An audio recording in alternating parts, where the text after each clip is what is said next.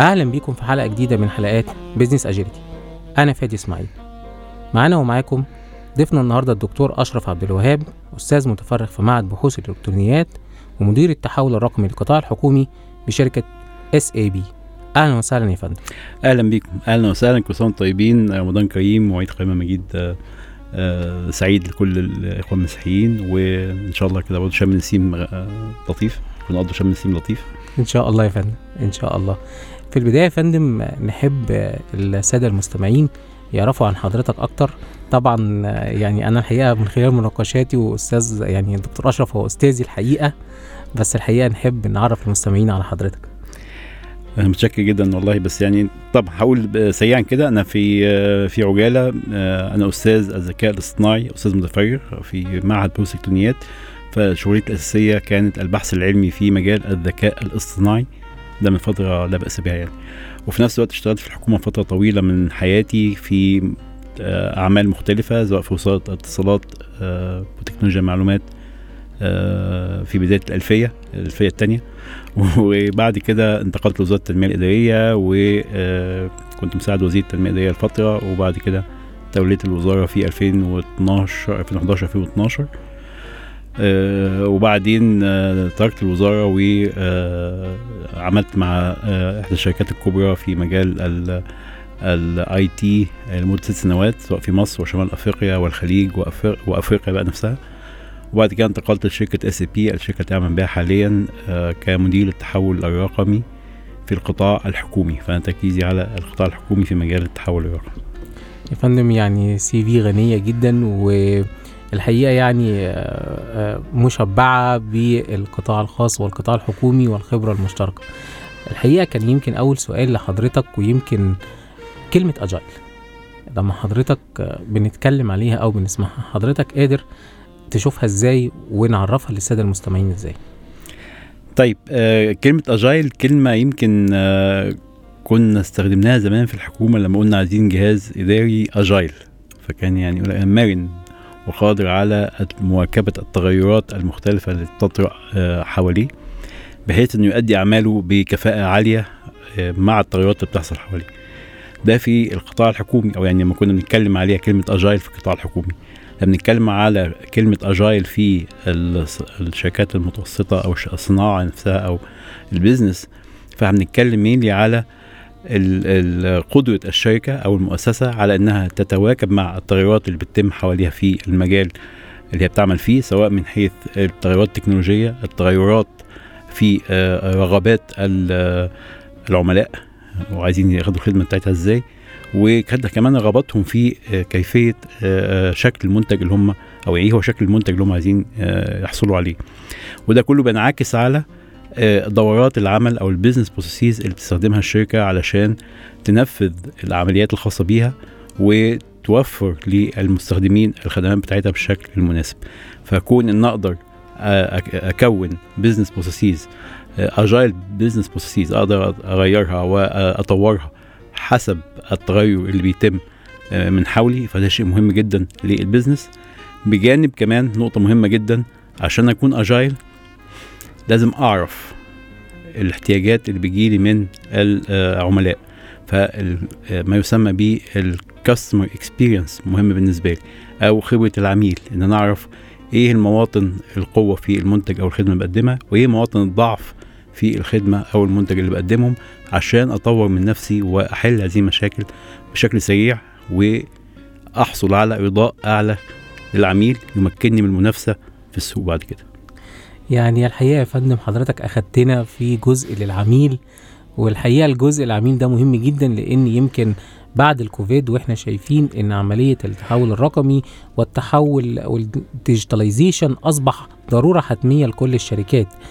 وده أصبح بيحتم على الشركات إن هي تطبق ما يسمى بال business agility فيا ترى حضرتك شايف إيه العلاقة ما بين ال business agility وعمليات التحول الرقمي اللي بتتم في الشركات؟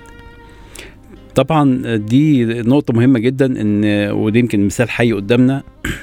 عندي آه، وباء مفاجئ فيروس مفاجئ أصاب آه، المجتمع أو المجتمعات في العالم كله أدى إلى تغيرات شديدة التنوع ما بين آم، عدم القدرة على الحصول على آه، منتجات من الخارج نتيجة إن ال suppliers مش قادرين يوردوا مفيش مفيش حركة نقل.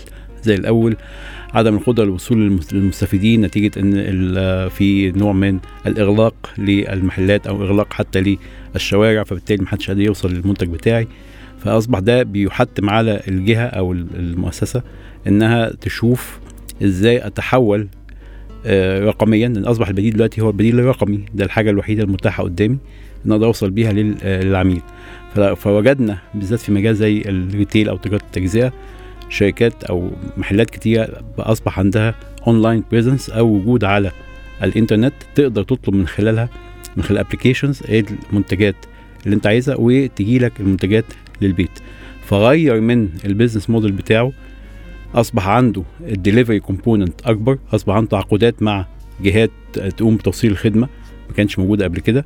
أصبح عنده كمان عمال أكتر عشان يعملوا عملية آه، تلقي الطلبات وتنفيذها واسلوب حتى عرض المنتجات اختلف لأنه أصبح محتاج إنه يعرف الزبون إيه المنتجات اللي عنده وإزاي كمان يرد على الزبون في حالة لو كان في منتج مش موجود أو محتاج إن هو يعدل في الطلب بتاعه.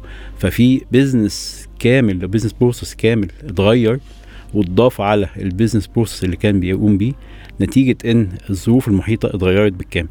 كل ده أصبح built in يعني هو خلاص عمله وأصبح موجود في المؤسسة. ودلوقتي بقى طبيعي جدا حتى لو مفيش إغلاق حتى لو في حرية في الحركة الناس بقت بتستسهل تستخدم هذا ال business model اللي أصبح بيمثل خمس أضعاف ال revenue stream اللي كان بيجي لل supermarkets. يعني ده كان دراسة اتعملت أيام الكوفيد 19 ال retail shops ال online بيحققوا خمس أضعاف ال revenue اللي كانوا بيحققوه لما كانوا مش اونلاين نتيجة إن أصبح ده الوسيلة الوحيدة للحصول على المنتجات أو الخدمات لل- للعملاء. فدي ده نموذج إزاي أنا بقدر أو بحتاج إن أنا أراجع ال business process بتاعتي وتبقى التغير اللي أعمله فيها يبقى تغير سريع جدا إزاي أتعاقد مع شركات توصيل اعين ناس جداد عشان ال- التعاون مع الطلبات اللي بتجي أونلاين كل الحاجات دي call centers كل الحاجات دي أعملها بسرعة شد- شديدة. أدرب الناس اللي عندي عشان يتعاملوا بالشكل المناسب للتعاون مع هذه الطلبات. كل ده لازم يتم بسرعة شديدة عشان ألحق يبقى لي presence لأن طبعا ال customer لو اتعود على آه، مكان معين بيجيب له طلباته بيبقى صعب جدا إن هو يغيره لمكان تاني إلا لو فيه مضطر يديله offers أو يديله نوع من ال bundles اللي تخليه آه، يشده ناحيته. فعشان آه، يعني أكسب الوقت وأبقى أنا من الأوائل الموجودين في السوق لازم تكون ال business process بتاعتي بتتطور بشكل سريع جدا. يعني هاخد من حضرتك الجزء بتاع ال business processes ويمكن ال business processes هي عماد فكرة التحول. يمكن النهاردة إحنا شايفين إن التحول هو عبارة عن deploying ل machines في ال services اللي بقدمها لل customer بتاعي سواء كان ال sector بتاعي sector مرتبط بال customer أو حتى business to business على حسب ال sector بتاعي ولكن في جزئين الجزء الأولاني ما يسمى بعملية الأتمتة أو ال automation وهو إحلال الآلة محل العامل البشري في بعض ال- processes والجزء الثاني هو جزء اللي إحنا بنسميه ال business agility أو كيفية موائمة ال new processes لدورة العمل الجديدة. فيمكن لو أنا هسأل حضرتك السؤال اللي إحنا كلنا بنسأله إزاي أنجح عملية التحول الرقمي في ظل تغير ال processes يمكن ماكنزي كانت قالت في بعض الإحصائيات إن عملية التحول الرقمي بتنجح بنسبة 26% في القطاعات المرتبطة بال technology ومن 4 ل 11% في القطاعات الغير مرتبطة بال technology زي ال oil and gas فمن وجهة نظر حضرتك إزاي ال business agility والتغير في ال processes بيساعدنا في النجاح للتحول الرقمي وعملية التحول الرقمي؟ طب ده سؤال جيد جدا. يعني آه، ويمكن بيرجعني للأساسيات. أنا بحب دايما أبتدي من آه، إحنا ليه بنعمل كده؟ يعني آه، يمكن عشان المهندسين بيسألوا دايما هو ليه كده؟ صحيح يا فندم.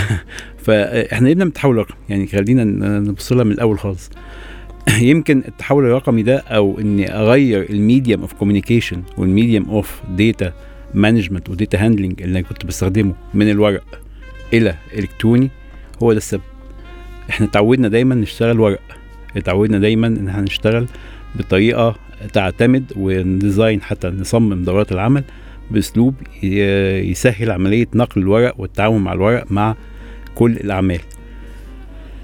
الكلام ده كان كويس قوي لغاية لما ظهر لنا البديل الإلكتروني. الإلكتروني أسهل في الحفظ أسهل في التعامل أسهل في النقل أسهل في آه ال- النشر. فبالتالي أصبح هو ده البديل ال- ال- الأنسب لحفظ البيانات وتداولها. بجانب آه، التطور اللي حصل في مجال الاتصالات أصبح دلوقتي معظم الناس عندها اكسس عندها قدرة على الوصول للإنترنت وبالتالي أصبح وصولها إلى مواقع أو أماكن ممكن من خلالها تاخد المحتوى اللي إحنا حطيناه بصورة إلكترونية ده سهل جدا وممكن تعمل كمان أعمال ممكن تطلب وتغير في الطلبات بتاعتها وتدفع وتعمل شوية أعمال كده بحيث في الآخر تاخد الخدمة اللي هي عايزاها. فأصبح التحول الرقمي هو المسار الطبيعي لأداء الأعمال. فدي نمره واحد. نمره اتنين لما كنا في الم- ال- الموقف السابق عندنا الورق كان في mindset معين كان في فكر معين بيغلب على أداء المؤسسة. آه، سواء في عملية آه، تنفيذ الأعمال نفسها الرقابة اللي بتتم عليها آه، نوعية ال- التداول بتاع الورق نفسه أسلوب التعامل معاه. التعامل مع العميل نفسه لأن العميل ما بقتش أقدر اوصل معاه ما كنتش أقدر اوصل معاه بشكل آه، سهل زي دلوقتي. كل ده لازم هيتغير. يعني ال new mindset should be in place. لازم يبقى عندي فكر جديد في ال- في الأساس. يعني هو ما أخدش دورات العمل القديمة وأعيدها وأقول أنا هعملها رقمي لأن أنا هعملها دورة عمل بالكمبيوتر إيه تنفذ نفس الأعمال اللي كنت بعملها قبل كده. أعيد لازم أفكر digital هنا زي ما كنت بفكر ورق لازم أفكر digital هنا الفرق بين الناحيتين لما هفكر digital هلاقي إن في أعمال كتير كان فيها خطوات بضطر انفذها في الورق لأسباب مختلفة مش محتاج أنفذها في الوضع الرقمي. في خطوات كتيره سهل عليا إن أنا أعملها في الوضع الرقمي ما كنتش أقدر أعملها في الوضع الورقي. فبالتالي فكرة إن أنا أتحول رقميا أول يعني سبب من أسباب نجاحها إن أحط ال right mindset الفكر السليم للتحول الرقمي إن أنا شايف بالظبط أنا عايز أبقى كأحسن service provider في مجال معين أو لأداء خدمة معينة. فبالتالي باستخدام التكنولوجيا الرقمية هوصل للشرائح المختلفة اللي أنا بهدف الوصول إليها هسمع منهم وهوصل لهم ال- المنتج بتاعي وهوديه المكتب الخلفي بتاعي بشكل more efficient أكثر كفاءة أقل تكلفة بأقل عدد من التدخل البشري.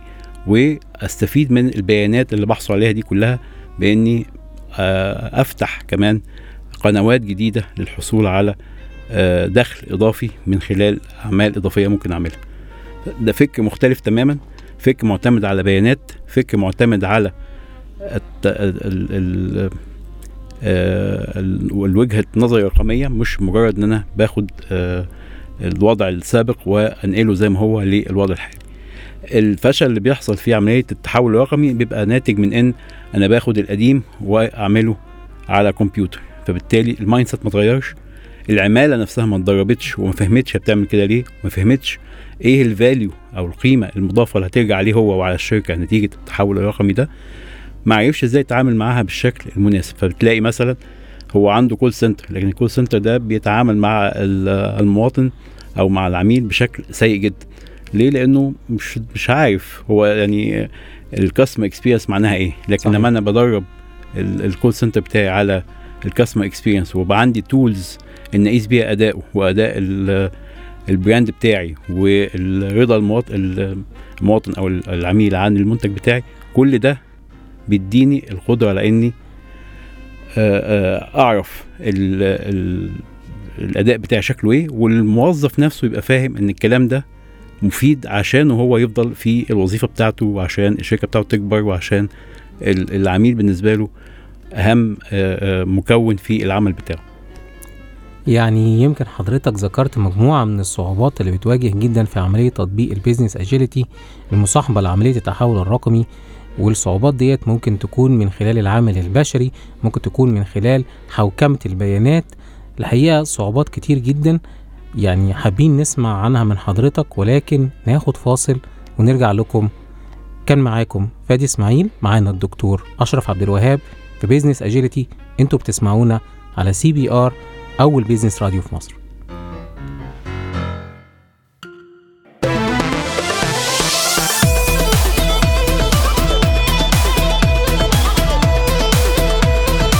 أهلا بكم في CBR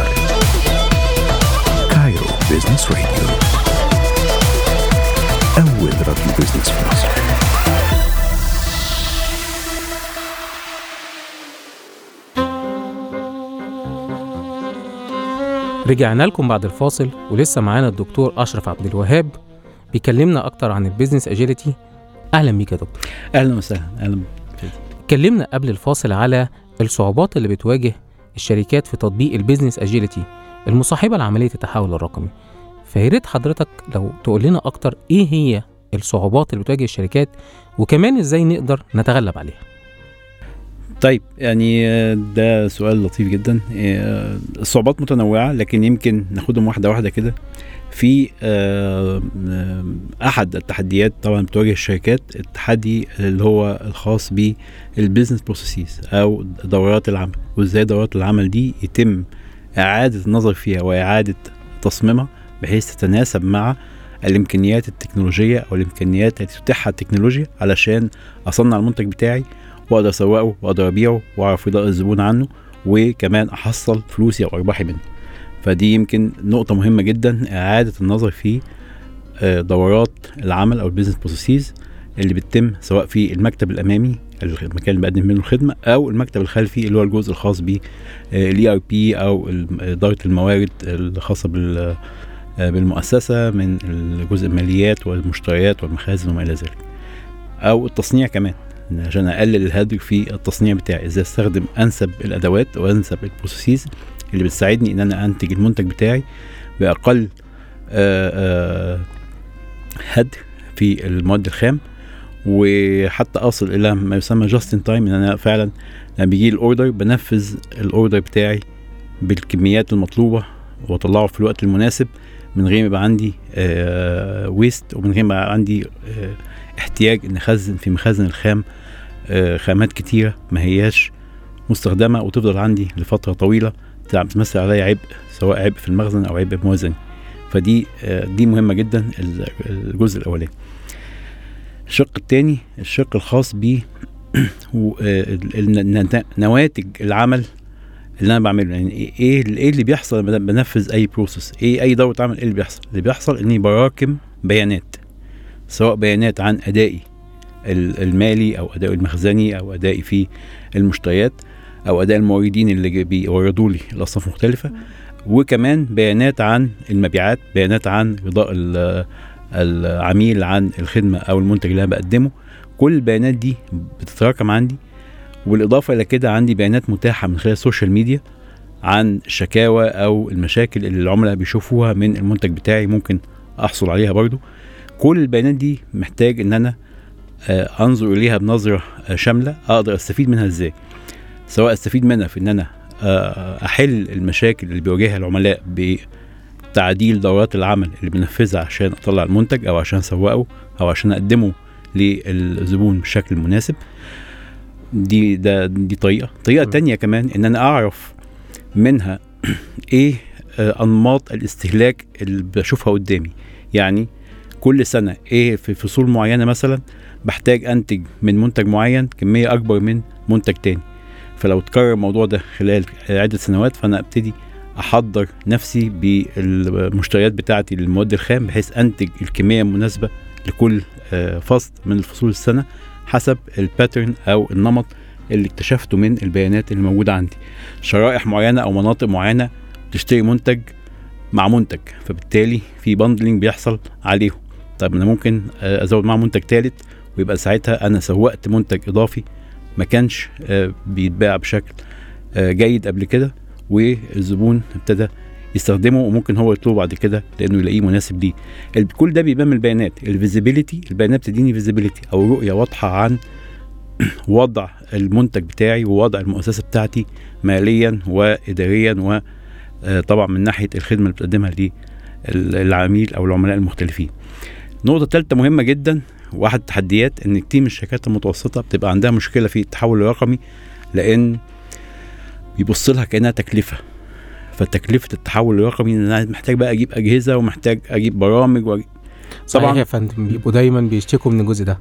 وده وده يعني طبعا يعني آه آه مشكلة موجودة ما نقدرش ننكرها. لكن ال- ال- اللطيف في التحول الرقمي إنك ممكن تعمله بدون ما تشتري آه، بنية تكنولوجية جبارة عشان تشتغل. ليه؟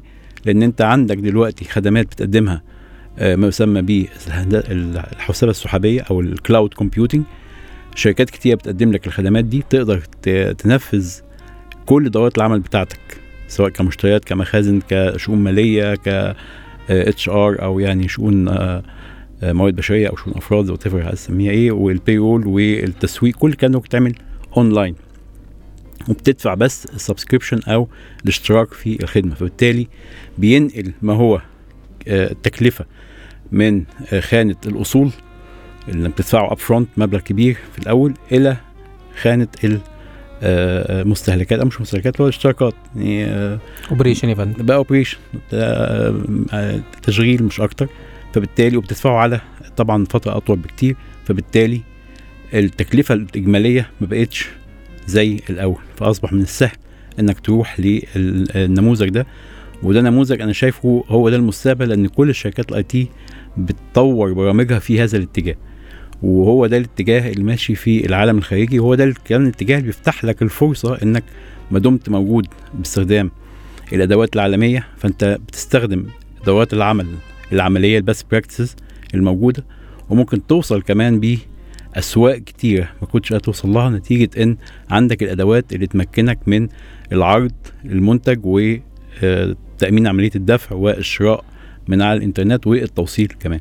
ففكرة إن استخدام ال cloud computing بشكل فعال دي بتريح من التحدي الخاص بتكلفه التحول الرقمي من ناحية البنية التكنولوجية المطلوبة. يعني يا فندم الحقيقة حضرتك ذكرت أكتر من تحدي.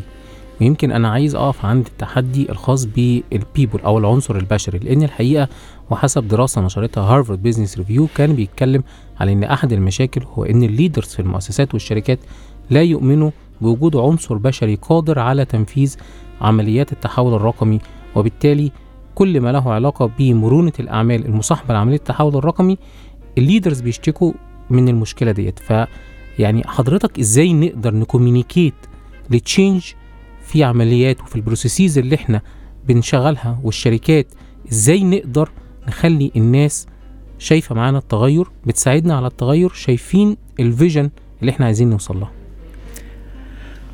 سؤال سؤال واسع جدا بس يعني هحاول أجاوب عليه في الوقت المخصص. اشكرك يا فندم. طيب دلوقتي آه، آه، الشركات الجديدة سهل تطلع على طول رقميا. ليه؟ لأن هو بادي ال business model بتاعه أو نموذج العمل بتاعه على أساس إن كل آه، أعماله بتتم على ال cloud مثلا باستخدام أدوات عالمية باستخدام business model آه، من دراسته ليه شايفه إن هو مناسب. فبالتالي هو بادئ رقميا. الناس اللي معاه آه، جايب جايب structure أو عامل هيكل تنظيمي للشركة بتاعته بشكل يتناسب مع الأعمال هتتعمل رقميا. فالشكل فالهيكل لحد ما محدود. والكفاءات الموجودة فيه بتتعامل رقميا بشكل ما آه، جيد فبالتالي ما عندوش المشكلة دي. طب الشركات اللي بتتحول اللي مش كان شغال بشكل وعايز يتحول إلى شكل تاني.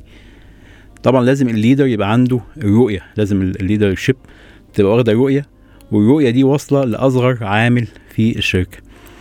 بتقابلني هنا مشكلات تنظيمية. ليه؟ لأن وجود التحول وجود الأدوات الجديدة التكنولوجية قد يؤدي إلى إعادة النظر في الهيكل التنظيمي للمؤسسة بالكامل في إدارات قد لا أكون محتاجها ويمكن أحتاج إدارات جديدة بكفاءات جديدة أو بخبرات جديدة فمحتاج إن أنا أعيد النظر في الهيكل الإداري اللي بيدير المؤسسة أشوف إزاي أحطه في الشكل الأنسب لاستخدام التكنولوجيا اللي أنا بتكلم عليها وفي نفس الوقت تأهيل العاملين على استخدام هذه التكنولوجيا ويبقى كلنا شايفين نفس الرؤية إن كلنا في عائد راجع علينا من استخدام هذه التكنولوجيا ونمو الشركة وإنها تقدر تستمر في السوق تقدر تتنافس مع شركات سواء في السوق المحلي أو في السوق الإقليمي أو الدولي حسب رؤية ال- الشركة نفسها. بحيث فعلا في الآخر يبقى عندي كيان تحول من النظام الورقي أو حتى business model معين إلى ال business model اللي آه، بنتكلم عليه في رؤية التحول الرقمي. ويمكن احدى الشركات آه، وشركة كنت عملت بيها عملت هذا التكنيك وكان هي شركة شركة كبيرة شركة من الشركات الكبيرة في مجال ال IT فكانت بتشتغل بنموذج آه، عمل معين business model معين وقلبت ال business model بالكامل خلال ثلاث أو أربع سنين.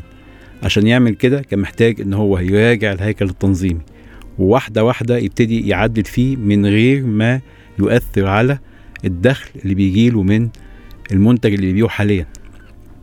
فدي كانت أحد ال ال التحديات اللي تم تنفيذها أو تم التعامل معاها ببراعة شديدة إن إزاي أحافظ على الخدمة اللي بقدمها وفي نفس الوقت أغير من أسلوب تقديم الخدمة وأغير من الكيان المؤسسي أو ال- الهيكل التنظيمي أو الإدارات اللي عندي اللي بتقدم الخدمة دي. عشان يعمل كده برضو عين ما يسمى ب change management officer أو مدير للتحول أو إدارة التغيير في كل آه، منطقة من المناطق شركة عالمية في منطقة من المناطق العالمية بيشتغل فيها عشان يبتدي هو يدير عملية التغير دي ويدير التحديات الناتجه عنها سواء إن الناس مش مبسوطة الناس عندها مشاكل من حيث أنا هبقى فين بعد كده طب آه، الدور بتاعي هيتلغي ولا لأ طب أنا ممكن تستفيدوا مني إزاي؟ آه والتدريب والتأهيل اللي لازم ليهم علشان ينتقلوا من وضعهم الحالي إلى الوضع الجديد. فدي يمكن أحد ال- ال- التجارب اللي أنا عشتها فعلا مع الشركة دي وكانت فعلا من من أنجح عمليات التحول الرقمي ورفعت من أسهم الشركة في البورصات العالمية بشكل واضح وأصبحت يعني أحسن كمان من مركزها السابق ك leader في مجال ال IT يعني يا فندم آه، الشركة اللي حضرتك كنت بتتكلم عليها يمكن الحقيقة حققت الأربع أهداف اللي كنا بنتكلم عليهم دايما في تطبيق ال business agility ولها علاقة بالتحول الرقمي وهي التايم تو ماركت والبرودكتيفيتي والانجيجمنت وكمان السستينابيليتي ويمكن الحقيقة أنا حابب أسأل حضرتك سؤال آخر عن الشركات المتوسطة والشركات الصغيرة الموجودة في السوق المصري. يمكن مش كلنا عندنا نفس ال capabilities اللي موجودة عند الشركات العالمية. فإزاي نقدر كشركات متوسطة أو كشركات صغيرة نطبق ال business agility أو مرونة الأعمال بحيث إن إحنا نكون قادرين على مواجهة التغيرات في الأسواق. وكمان إزاي نقدر نطبق التحول الرقمي بشكل صحيح مفيد وبنقلل التكلفة بتاعتنا. هنسمع إجابة الدكتور أشرف ولكن ناخد فاصل ونرجع لكم.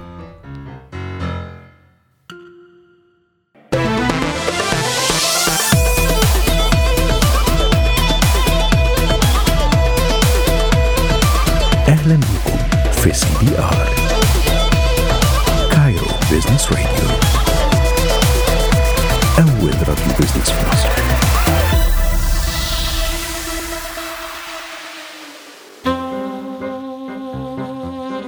ورجعنا لكم بعد الفاصل. لسه بتسمعوني أنا فادي إسماعيل مع برنامجكم business agility على سي بي آر أول راديو business في مصر. ولسه معانا الدكتور أشرف عبد الوهاب وكنا سألناه قبل الفاصل على إزاي نقدر نطبق البيزنس اجيلتي وعمليات التحول الرقمي في الشركات المتوسطة والصغيرة. يمكن مش كل الشركات المتوسطة والصغيرة عندها الإمكانيات الموجودة عند الشركات العالمية فكنا حابين نسمع من حضرتك يا دكتور تنصح بإيه الشركات المتوسطة والصغيرة؟ طيب طبعا المثال اللي أنا ذكرته لما زادت شركة شركة عالمية طبعا عندها قدرات متقدمة سواء من الناحيه المالية أو من ناحية ال- العاملين اللي فيها. آه، لما نيجي ننزل بقى الشركات المتوسطة والصغيرة في آه، بلد زي مصر آه، عايز يتحول رقميا طبعا لازم رؤيته تبتدي تبص على لازم يرجع بالرؤية بتاعته يشوف أنا الشركة بتاعتي دي عايزة تبقى فين بعد خمس سنين given إن آه، العملاء. مع الوقت هيتحولوا إلى الشراء الإلكتروني أو إن هم يشتروا اونلاين وفي نفس الوقت الخدمات اللي بقدمها ممكن يتم تطويرها. باستخدام التكنولوجيات الحديثة. فيبقى آه، الرؤية دي نمره واحد لازم عندي رؤية واضحة. أنا عايز أروح فين كمان؟ خمس سبع عشر سنين؟ يمكن 10 سنين بقت دلوقتي وقت طويل قوي خمس سنين ده يمكن الوقت ال- المقبول نتيجة التطور الرهيب اللي بيحصل يو- يوميا في مجال التكنولوجيا. آه، نمرة اتنين إزاي آه، ركز على العميل؟ يعني نمرة واحد حط العميل هو هدفك الأول. كيفية وأدي خدمة أو أقدم منتج العميل يرضى العميل عنده. لو حطيت هدفي الأولاني هبتدي أشوف إيه الأعمال المفروض أعملها عشان ده يتم. سواء من حيث أولا أنا أقيس رضاء العميل يبقى عندي نوع من السيرفيز أو الاستبيانات اللي أنا بقدر أعرف منها العميل سعيد ولا مش سعيد بهذه الخدمة اللي أنا بقدمها له. نمرة اتنين إن البيانات اللي باخدها دي أبتدي أطور بيها أسلوب العمل اللي بيتم في تنفيذ الخدمة أو تنفيذ المنتج عشان يطلع بالشكل اللي يرضي العميل بتاعي. وكمان إن أنا لو محتاج إن أنا أعيد النظر في منتجات إضافية ممكن أعملها نتيجة إن العملاء عايزين حاجات إضافية يبقى أنا عندي قدرة إن أنا أنتج هذه العد- ال- المنتجات الاضافيه بشكل سريع ويتقدم للسوق آه، حتى آه، كنموذج أولي ويتطور بسرعة علشان العميل فعلا يفضل آه، آه، آه، مرتبط بالمنتج بتاعي وبالشركة بتاعتي. على التوازي من كده لازم أحسن من أداء ما يسمى به المكتب الخلفي. المكتب الخلفي هو ده اللي يمكن ما بيجيبليش آه، دخل مباشر لكنه بيأثر تماما على آه، أسلوب آه، تحصيلي للفلوس الخاصة بيا وفي نفس الوقت صرف المبالغ اللي عندي سواء في شراء مواد خام أو في تخزين أو صيانة الماكينات أو كل الأعمال المرتبطة بالتصنيع بتاعي. فبالتالي لازم أحسن المكتب الخلفي أداؤه باستخدام نظام أو أنظمة لل ERP أو إدارة ما يسمى إدارة الموارد المؤسسية اللي هتسمح له إن هو يؤدي الأعمال دي بكفاءة عالية. يبقى ال data عندي كلها electronic. يبقى عندي رؤية على آه، مختلف الأنشطة اللي بتتم في الشركة بشكل آه، آه، سليم. يبقى عندي كمان ربط ما بين الاعمال المختلفة. يعني أنا بشتري لما ببص مثلا على ال- ال- المشتريات بتاعتي بشوف المشتريات دي وتأثيرها على ال cash flow اللي عندي في آه، الشركة تأثيرها على المخازن والراكد في المخازن مثلا اللي بيحصل عندي في الشركة. يبقى عندي visibility على ال ال الأعمال كلها مش مجرد آه، آم، جزر منعزلة من التطبيقات. فدي نمرة اتنين الت- الت- التركيز على آه، تطوير المنتج ال- ال- أو المكتب الخلفي أداء المكتب الخلفي اللي عندي في المؤسسة أو الشركة بتاعتي. جزء تاني مهم الانفتاح على السوق الخارجي لأن أنا دلوقتي عندي فرصة إني آه، أبيع المنتج بتاعي أو الخدمة بتاعتي في أسواق جديدة. فإزاي أوصل هذه الأسواق وإزاي أبيع أو أقدم الخدمة بتاعتي بالشكل المناسب في هذه الأسواق؟ فده لازم يكون آه، آه، جزء من الرؤية بتاعتي في تطوير الماركتينج أو التسويق بتاعي للمنتج عشان أفتح أسواق جديدة. وفي نفس الوقت قد أكون كمان آه، أفكر في كيفية آه، الاستفادة من البيانات اللي عندي في إني أفتح مصادر دخل إضافية.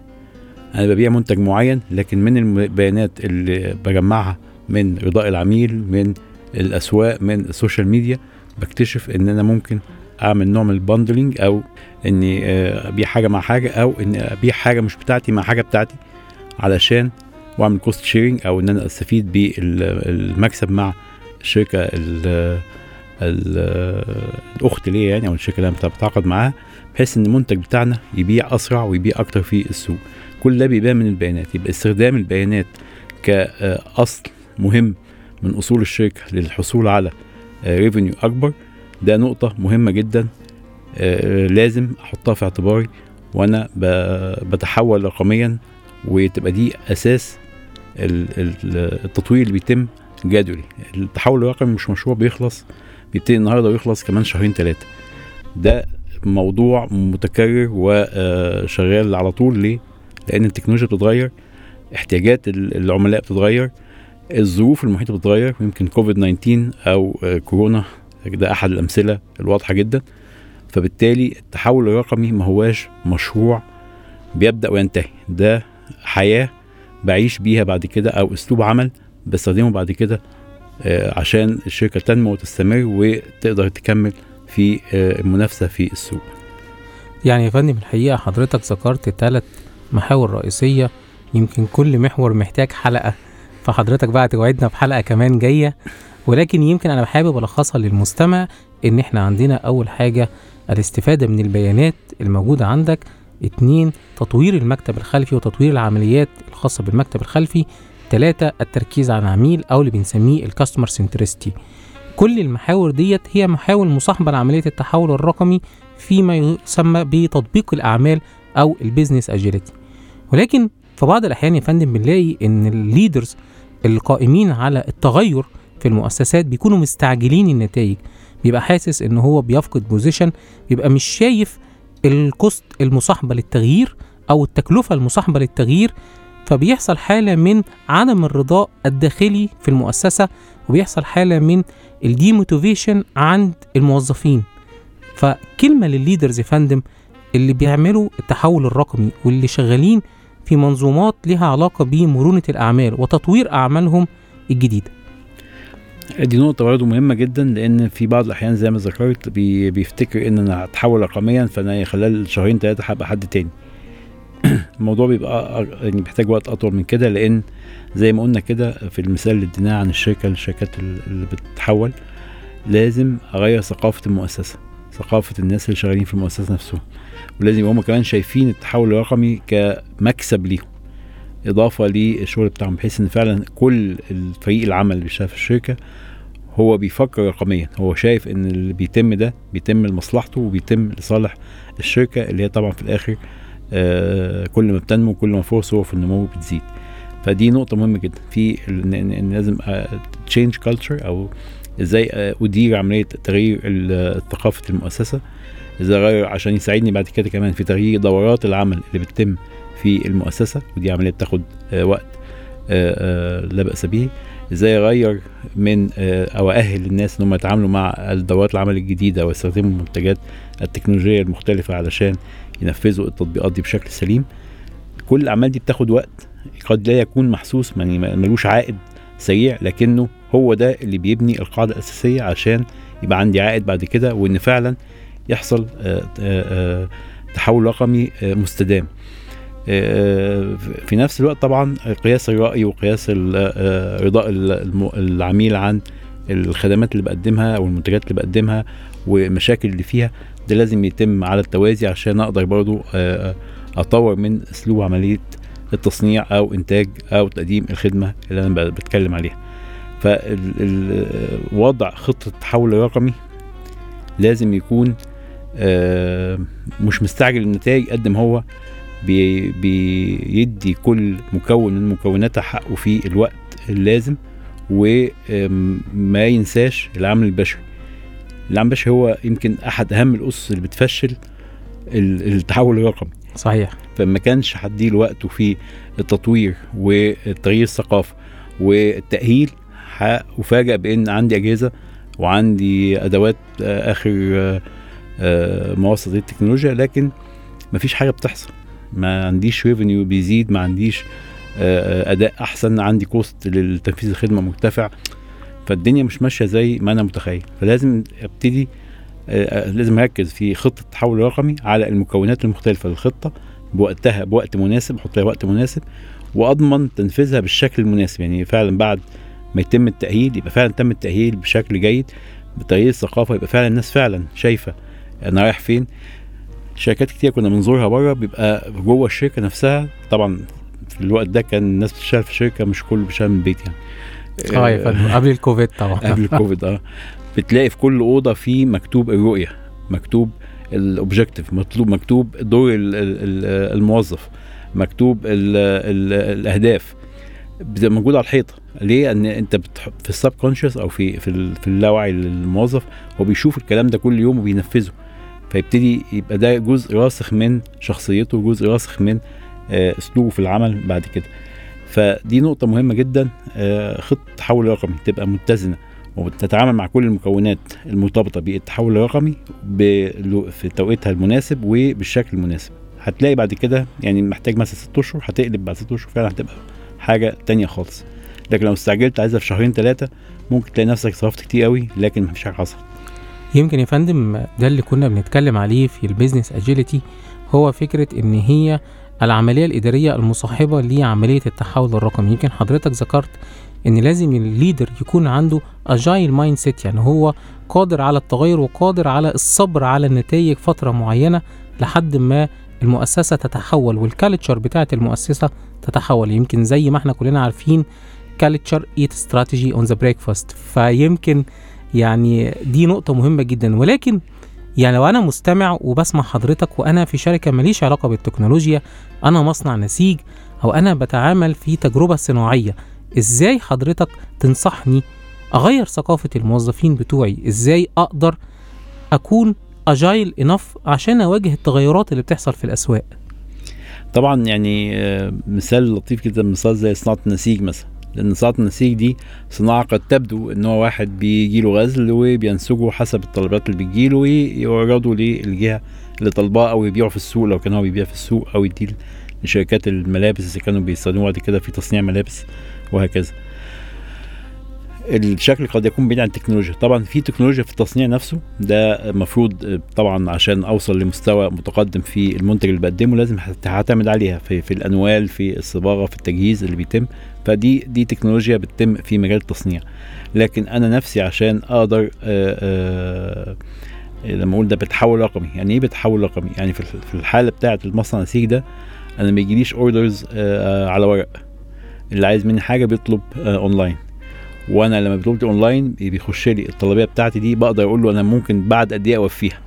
لأن أنا بقدر أحسب المخزن في آه، كميات قد إيه من المواد الخام المطلوبة للعملية دي ال bill of material يعني و آه، متاح قد إيه أو لو مش موجود يبقى احتاج وقت قد إيه عشان أجيبها من الموردين وأنتجها. فبالتالي أنا أقدر أشوف العملية الت- ال- ال- التشغيل كلها من أول آه، طلب ال- المنتج نفسه لغاية آه، هيت- هيتورد بعد هيتسلم بعد قد إيه؟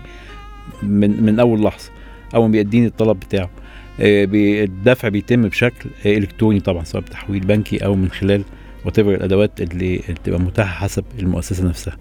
آه، التعامل مع الطلب داخليا بيتم إلكتروني. أنا مش محتاج آه، أطبع ورقه وأبعت ليه supplier عشان يبعت لي ويرد عليا. لا أنا عندي framework agreement أو عندي اتفاقية مع suppliers متعددين بطلب منهم ببعت لهم اوتوماتيك المطلوب بيدوني الأسعار ببتدي أختار أنسب واحد وأبتدي أتعامل معاه هيورد لي على طول هبتدي أشتغل. فبالتالي ال loss of time اللي كان بيحصل نتيجة إن أنا بتعامل بشكل ورقي هيقل وبالتالي قدرتي على المنافسة في السوق هتزيد لأن هقدر أورد في وقت سليم آه، مناسب وده هيعلي من آه، تقييمي في آه، التعامل مع الشركات المختلفة.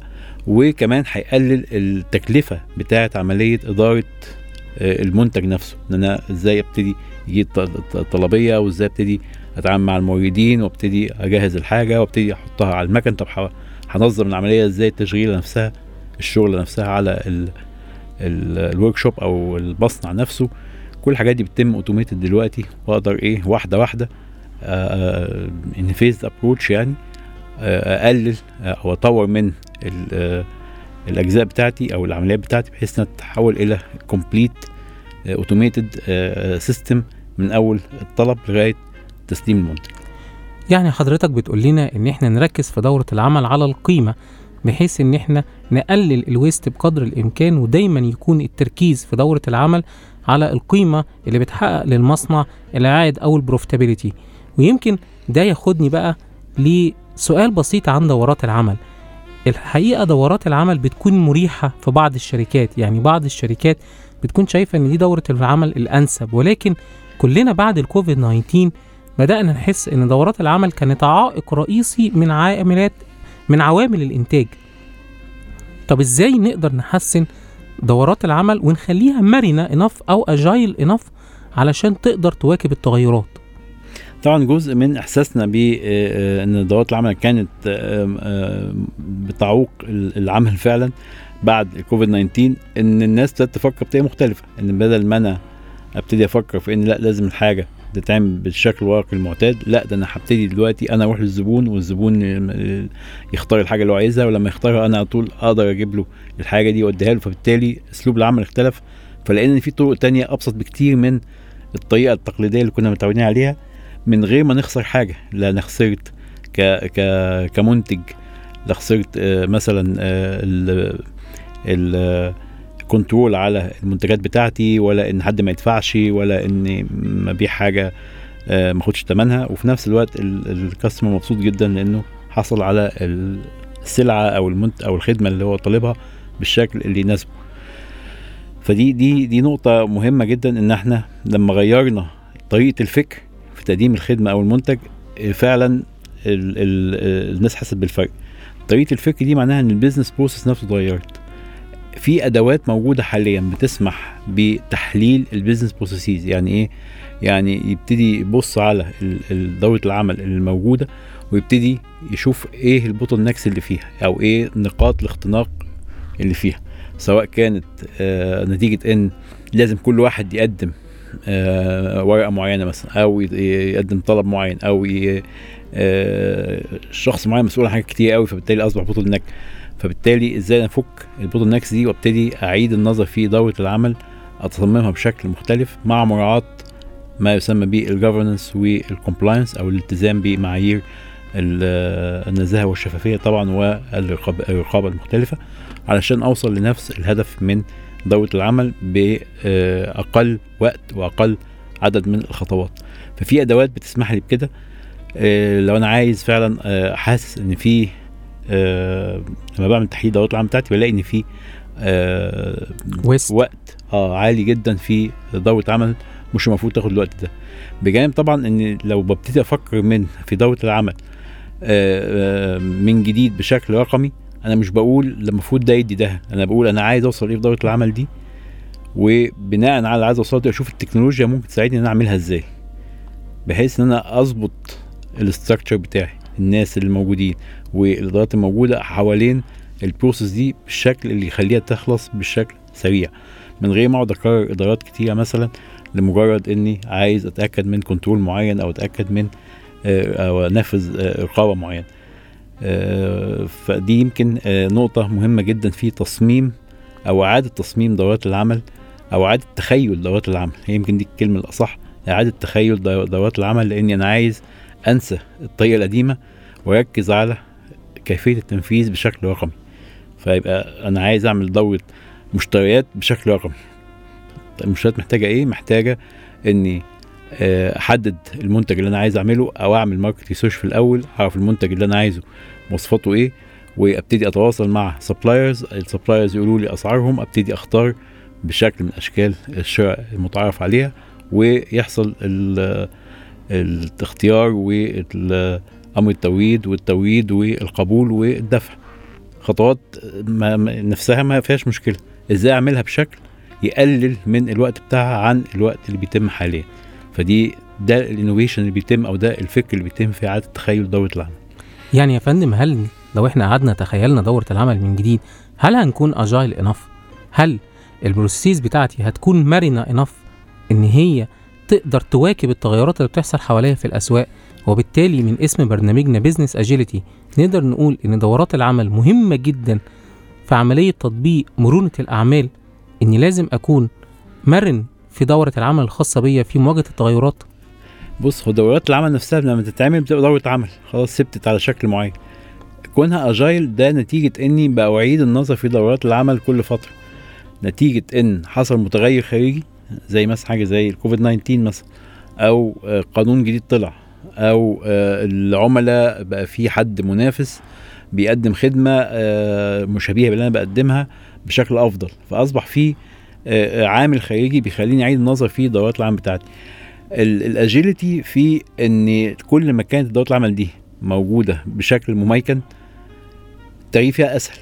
صحيح. فده اللي بيخلي سرعه تغيير دورات العمل لمواكبة التغيرات اللي بتتم عندي هو ده اللي بيخليني آه، أبقى اجايل بزنس لو لو العملية بالنسبة لي طبعا آه، مش بالشكل الرقمي إدارات بقى وناس ليها آه، طبعا أدوار ومصالح في التنفيذ وكده عشان اغير دوره عمل يعني هتبقى عملية صعبة جدا وفيها كمية آه، آه، شد وجذب لا تنتهي وفي الآخر عقبال ما أخلص كل ده هيكون السوق راح مني. فبالتالي الاجيلتي في إني عندي القدرة على قراءه المتغيرات الخارجية بسرعة إعادة النظر في دورات العمل بسرعة أو تحديد دورات العمل وتطويرها بسرعة وأخرج بمنتج جديد أو شكل جديد بشكل سريع.